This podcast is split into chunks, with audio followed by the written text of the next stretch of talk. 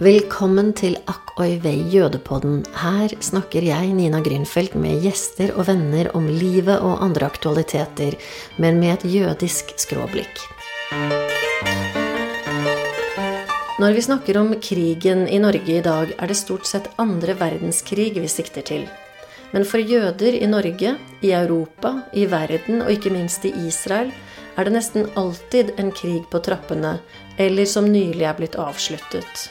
I denne episoden av AKV Jødepodden, som jeg kaller Don't Mention the War, snakker min tilbakevendende makker Monica Chango og jeg om de israelsk-palestinske krigene og den avmaktsfølelsen vi kjenner på. Denne episoden ble spilt inn forsommeren 2021 i kjølvannet av den elleve dager lange væpnede konflikten som hadde funnet sted i mai måned, og med oppblussinger i juni. Monica, si noen ord om deg selv. Jeg er 52 år ung. Jeg har eh, en god fot i både den norske og den ungarske og den jødiske kulturen. Jeg er født og oppvokst i Norge, men kommer fra flyktningfamilier på to sider, som begge to er jødiske. Og jeg har i mange år vært en aktiv samfunnsdebattant. Jeg er eh, journalist. Og jeg merker at jo eldre jeg blir, jo mer er jeg interessert i å grave i hvor jeg kommer fra. Og hver gang jeg gjør det, så ender jeg jo opp i det at mange av svarene knytter meg til det at jeg kommer fra en jødisk bakgrunn. Mm.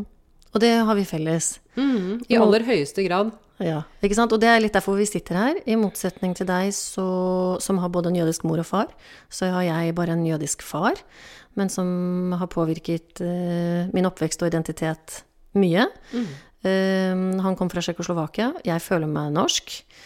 Uh, vi har litt felles bakgrunn både som filmskapere og forfattere og samfunnsdebattører. Debattanter. Debat, debattører er bedre. Er debattører bedre, ja. Og nå har vi lyst til liksom å sette agendaen selv eh, ved å skape Jødepodden. Et litt kontroversielt navn, kanskje, vil noen tenke, men det syns vi er ok? Det er helt ok. Jeg tenker jo at dette er et program eh, hvor alle de spørsmålene som folk ikke tør å stille, blir stilt. Uh, og det er jo ikke noen hemmelighet det at uh, det hele tiden dukker opp utfordringer og problemer som er knyttet til det å være jøde. Og det setter ofte en agenda som jeg, og du også, både frivillig og ufrivillig, blir trukket inn i. Ikke sant. Og vi tenker vel også, eller i hvert fall Jeg skal ikke snakke på vegne av deg, selv om jeg nok kommer til å gjøre det mange ganger fremover. Gjør det. Ja. det, det, store vi. Det er et veldig jødisk trekk for øvrig. Ikke sant. Ja. Og vi tenker jo at kanskje er det litt for mange i den norske samtiden som tror at jøder er én ting. Men det er det jo ikke. Så med denne podden så ønsker vi å løfte fram et mangfold innenfor det bitte lille jødiske samfunnet. Uh, og jeg tenkte kanskje, Monica, at vi skulle begynne med noe så vanskelig som å sitere han Basil i Faulty Towers og si 'Don't mention the war'. Nei. Og da tenker jeg ikke på andre verdenskrig, som Basil snakker om. Er det ikke Basil han heter? Jo da, det er det. Er det.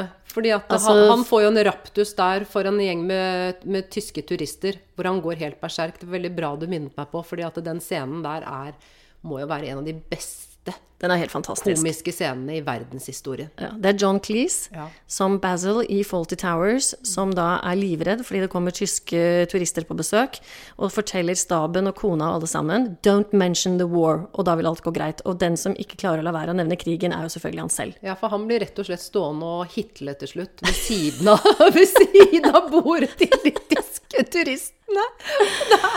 Det er helt hysterisk. Det er helt utrolig festlig. Ja. Mm. Men den Warren, den ja. Krigen jeg tenker på, er jo en krig som nettopp har funnet sted. Fordi en ting er at vi kommer nok også hele tiden til å komme tilbake til den andre verdenskrig, slik Basil gjør.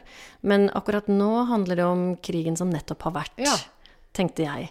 Og den er vel eh, både du og jeg eh, tvunget til å ha en eh, mening om, selv om vi ikke vil. Ja, er vi det?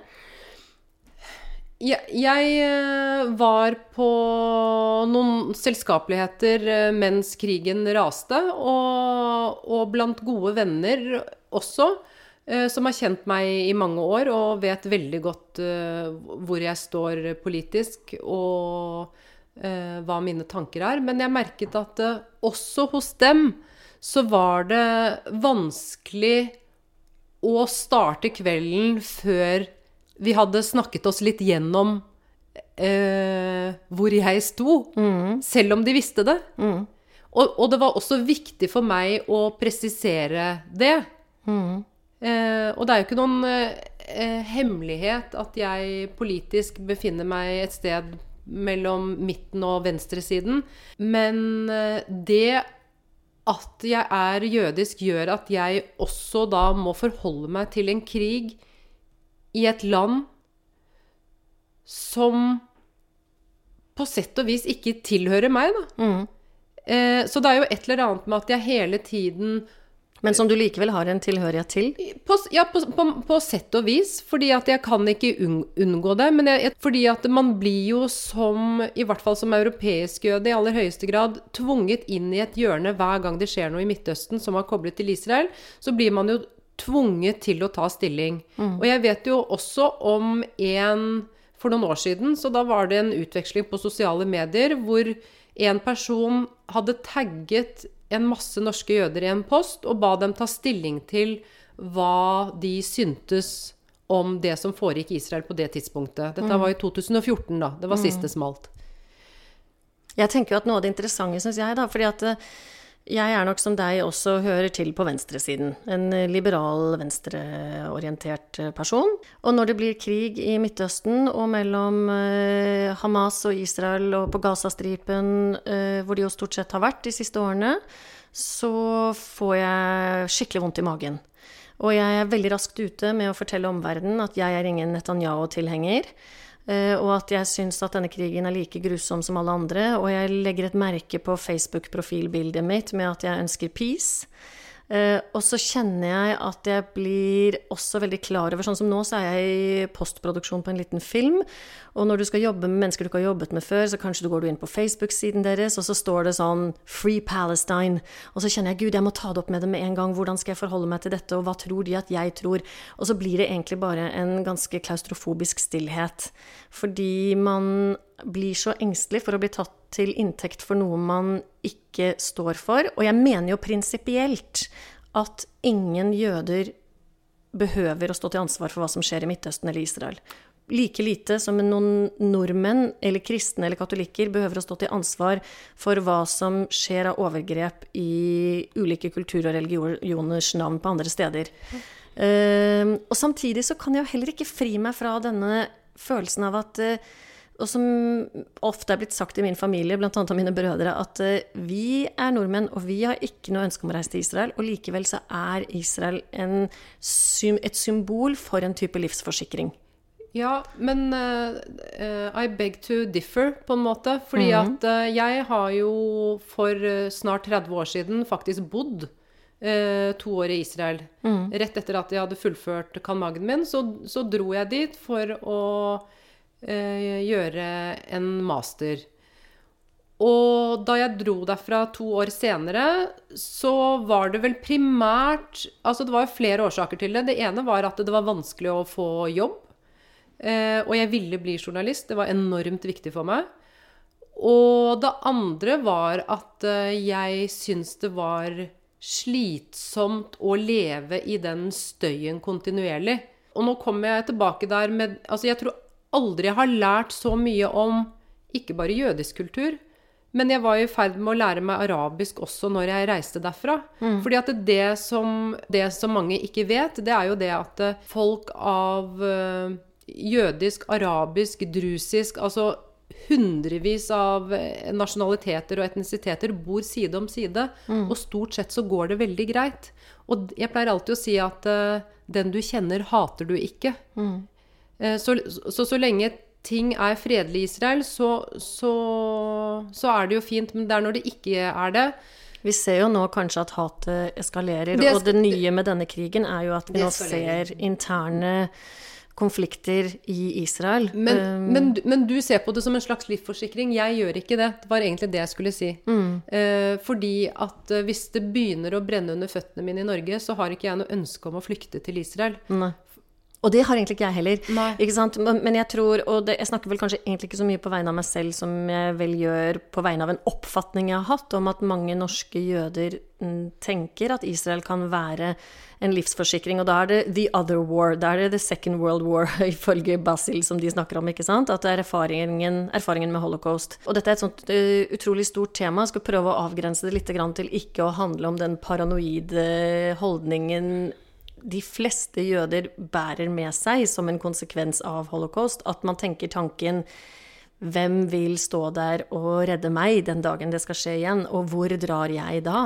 Drar man til Israel? Ja, kan ikke du fortelle meg Du, har, du fortalte meg her om dagen om en, en Anne Frank-leken. Ja. En, en jødisk forfatter som heter Nathan Englander, som har fortalt om Kan ikke du bare fortelle litt om hva den historien handler om, Nina? Jo, altså det er en novelle som jeg var veldig opptatt av, og til og med adapterte til et lite teaterstykke. En amerikansk New York-basert forfatter som nettopp heter Nathan Englander, som er i generasjonen etter Paul Auster-generasjonen. Eh, han er oversatt til norsk, utgitt på Gyldendal, og i en av novellesamlingene så har han da en novelle som heter What Do We Talk About When We Talk About Anne Frank? Og hvor han da introduserer den Anne Frank-leken. Og i dette stykket så er det to ektepar, eh, sånn i ja, 30-40-årene. Det ene sekulært, og det andre nyreligiøst ektepar som har emigrert til Israel. Men begge jødiske. Begge jødiske. Og de religiøse kommer da hjem til USA på ferie og møter sine gamle venner og begynner å drikke, og de røyker weed, og det tar litt av. Og sannhetens time kommer. Og da er det de får det for seg at de skal leke Anne Frank-leken, og den går ut på at du skal se det mennesket du bryr deg om, dypt, dypt inn i øynene. Og så skal du avgjøre om dette mennesket vil være, deg, være der for deg den dagen Gestapo står på døren og banker. Det er nådeløst. Det er et heftig dilemma. Og det som jo skjer, som er eh, dramatisk i denne handlingen, eller i novellen, det er jo at det er den, eh, den religiøse kvinnen som oppdager at hennes mann faktisk ikke ville vært der for Hvordan henne. oppdager hun det? Ja, det ser hun, Nå er det en stund siden jeg har lest novellen, men det ser hun i blikket hans. da. Så du kan si det er et veldig litterært grep. Det er ikke en, er ikke en konkret handling, slik jeg husker det, men det er eh, dialogen og væremåten de har overfor hverandre, og det hun da ser inn i hans blikk, og at hun innser at eh, den dagen Gestapo står der, så hadde, hun, hadde mannen min ofret meg til fordel for kanskje sitt eget liv. Ja, og overført så tenker du kanskje at dette her er et lite sånn mind game som man sitter og spiller når man ser på vennene sine, da? Ikke sant? Ja. Altså, som jeg fortalte deg, jeg har jo, innimellom så har jeg jo den paranoide forestillingen at jeg kan se rundt på vennene mine og kan jeg tenke at uh, ville hun vært der for meg? Jeg har jo en veldig kjær venninne som jeg har hatt siden barndommen av. Hun er så innmari sterk, fysisk og psykisk. Jeg vet at hun hadde vært der. Alltid. Men du er ikke sikker på alle? Nei, nei, det kan man jo ikke være. Nei. For heldigvis kan man ikke være det, fordi heldigvis så er dette et dilemma jeg aldri har vært utsatt for. Jeg håper aldri jeg skal være det. Men det interessante i denne samtalen er vel at dette er den type tanker man har. Jeg har, kanskje du også har. Hele, hele tiden. Altså min farfar, eh, som drev en veskeforretning i Budapest eh, før krigen, han ble antageligvis angitt av eh, eh, butikksjefen sin. Antageligvis. Eh, og det var helt vanlig, det at folk ble angitt av naboer og venner også, dessverre. Men det er jo det folk gjør i diktatursamfunn, ikke sant? Når det oppstår frykt og krybbebiting av ulike former, så angir mennesker hverandre. Det gjør man for å overleve. Og det er jo det hun opplever i denne novellen, at mannen hennes vil under gitte omstendigheter faktisk ha ofret kona si. Det er nådeløst, altså. Det er nådeløst. Men slike ting skjedde jo under andre verdenskrig. Slike ting skjer i samfunn hvor man ikke lenger føler seg trygg. Og derfor er jo Nå blir det dette store ord, men derfor er jo demokrati så viktig. For å ivareta forutsigbarhet, stabilitet eh, og alle disse tingene vi mennesker trenger for å føle oss trygge. Og det er klart at for å bringe dette tilbake til the war, don't mention the war. Why don't we mention the war? Hvorfor vegrer du og jeg oss for å snakke om den nylige krigen? Fordi den min forklaring ligger jo bl.a. i at eh, fordi den rubber ved vår følelse av trygghet her vi er nå. Fordi vi jo frykter at det skaper antisemittisme her hjemme. Men det, det, vet vi jo at det gjør. Så hver gang det smeller i Midtøsten, så, så stiger jo eh, antall fysiske anslag mot jøder i hele verden. Mm. Eh, hatefulle ytringer. Altså i USA så har eh, barn og voksne blitt eh, angrepet på gaten mm. de siste ukene. Men det jeg tenker videre, da, eh, Monica, det er at alle våre lyttere nå som hører på oss, ja. og som har en ring rundt sin Facebook-profil hvor det står 'Free Palestine', de mm. sier til seg selv 'OK, vi hører dere, Nina Monica. Vi hører dere. Vi har hørt dere før. OK, go on, liksom. Cut the crap. Mm. Hva gjør dere for palestinerne? Hva vil dere at skal skje for at det skal bli fred? Hva, hvorfor gjentar dere bare den samme offerhistorien? Hvorfor bryr dere dere ikke om de som er offer i dag? Alle barna på Gaza som lider, og som, hvor de kanskje også til og med trekker en sammenligning til Warszawa-gettoen. Så tenker jeg ja, hva, hva, hadde jeg hva, Jeg har jo ikke noe bedre svar enn noen andre. Nei. Jeg er jo ikke fra Israel. Ikke jeg, jeg, kan hva, ikke innenrikspolitikk. Men jeg hadde en tanke, okay. og var, jeg hadde en drøm. Og den drømmen den var at Israel skal gå inn i Gaza fredelig, og så skal de si til alle menneskene på Gaza Dere blir vaksinert i løpet av tre måneder. Alle barna får skole og mat. Vi skal sørge for dere. Vi skal sørge for at dette blir en trygg og god plass å bo. Det kommer til å koste skjorta. Kanskje må de få hjelp fra USA og fra EU og andre eh, enheter i det vestlige samfunn som har råd til å hjelpe dem. Men at den, For det er noe med at når vi ser på Israel, hva de har klart å få til i Israel med vaksinering, f.eks., da hva Israel klarer å få til av infrastruktur, hva de har klart å få til med dette landet siden 1948, og bygge opp en nasjon som tross alt innenfor rammen av et demokrati eh, altså de, vi, det fungerer. Vi må, vi, de mm. fungerer, tross alt. Det er mange som sliter der, men det fungerer ja. på sine premisser. Ja. De har klart å få til det. Hvorfor kan de ikke Det er klart Netanyahu vil ikke, men min drøm, igjen, nå er det litt rotete her, min drøm hadde vært at de hadde bare sagt vi går inn, vi putter the same effort på Gaza som vi har gjort med oss selv for å løfte dem ut av ja. den miseren. Men samtidig så er det nå sånn at uh, du, norske Nina, må sitte og løse denne problematikken også i drømmene dine. Og det er jo helt absurd. Jeg tror f.eks. ikke at uh, en som er norsk-fransk, da, mm. uh, får, blir konfrontert med at hun må løse utfordringene som er for en del minoriteter i Frankrike. Nei. Hun gjør ikke det. Nei. Men du skal ned og, løse problemene i Gaza i drømmene dine. Mm. Og det er noen Jeg vil jo mene at det, er en form for antisemittisme, fordi at eh, det er doble standarder. ikke sant? Altså, men også det interessante er jo rent psykologisk Er det noe jeg påfører meg selv, eller er det noe som er et resultat av strømninger i samtiden som jeg plukker opp, og som skaper en litt kinkig emosjonell indre tilværelse for meg? Men, men tilbake til For jeg, litt, jeg, jeg, tenker at med denne poden så har jeg lyst til å få alle de som sier Free Palestine, som jeg på mange måter er enig med i. Mm. Jeg kan ikke få meg selv til å sette Free Palestine på min Facebook-profilbilde. Og det er et godt spørsmål. Det må jeg egentlig stille meg selv. Hvorfor skriver ikke jeg Free Palestine? Det fins jo jøder som gjør det. Mm. Mange jøder jeg kjenner mm. som er for en Free Palestine. Og kanskje gjør jeg det. Mm. Kanskje etter at vi snakker sammen på denne poden, at jeg til slutt eh, setter på en logo med Free Palestine. Jeg vet ikke. Ja. Men, jeg, men jeg Men hvorfor er det sånn at du hele tiden skal mistenkeliggjøres og konfronteres med at du har en dobbel lojalitet, en dobbel identitet. Det er utrolig uh, ubehagelig å hele tiden måtte svare for noe som skjer seks timers flytur herfra med en annen regjering som jeg ikke har stemt på, ikke har valgt. Altså, det er ikke mine valg, på en måte. Altså, jeg, men, må, men, må, vi det, da? Eller er det jeg som tror at jeg må det? Ja, Det er et godt spørsmål. Men altså, jeg kan si som følger. Jeg er født i Skien. Jeg har vokst opp i Oslo. Stu, vært studert i Bergen. Eh, bodd mange år i Kristiansand. Og bodd de siste 25 årene i Oslo. Og så må jeg ta aktive meningsvalg i forhold til det landet som ligger veldig langt fra meg, i hvert fall rent fysisk, da. Mm. Altså, det er jo sånn Jeg, jeg husker at jeg, snakket med en eh, voksen mann i den jødiske menigheten, som nå kanskje nærmer seg 90 snart. Og han sa at eh, ja, men hvis jeg sitter og ser på en fotballkamp mellom Norge og Israel Han er født og oppvokst i Norge, flyktet vel til Sverige under krigen. Så er det jo Norge jeg heier på. Jo, men hvis du hadde snakket med en annen jødisk mann jeg kjenner i menigheten, så ville han sagt at uh, hvis du har to unger som spiller på hvert sitt lag, så heier du på begge lagene. Ja. Men uh, ja, og der er vi forskjellige. Ikke sant? Ja. Det er jo ikke sånn at alle jøder er det ene eller det andre. Nei.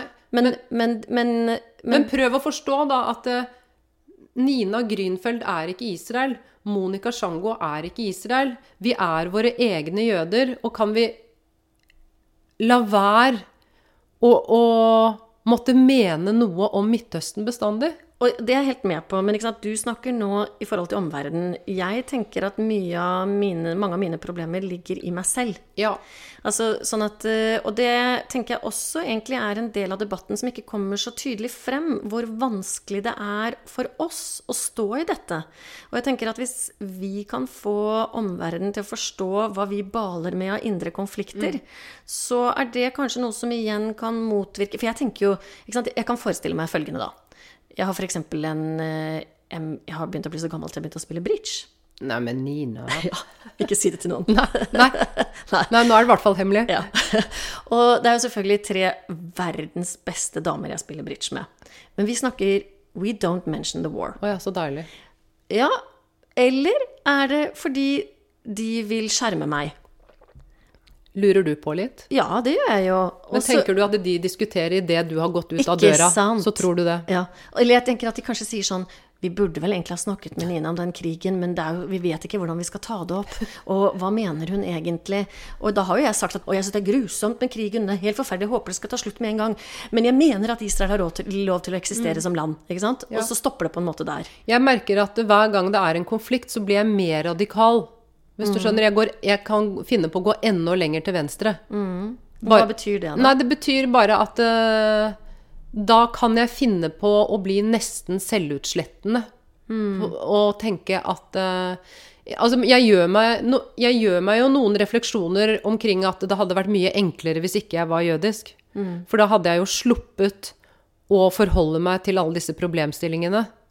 Altså Hvis jeg ba bare Synnøve Solbakken og plukket noen epler fra et trær og var fra en gård i Gudbrandsdalen, så hadde det vært mye lettere. Men gud, så kjedelig, da. Nei, det var stygt sagt. Det var jo stygt sagt for alle som er Synnøve Solbakken Ja, fra ja men altså hva- Men de har nok noen indre konflikter, de òg. Helt sikkert.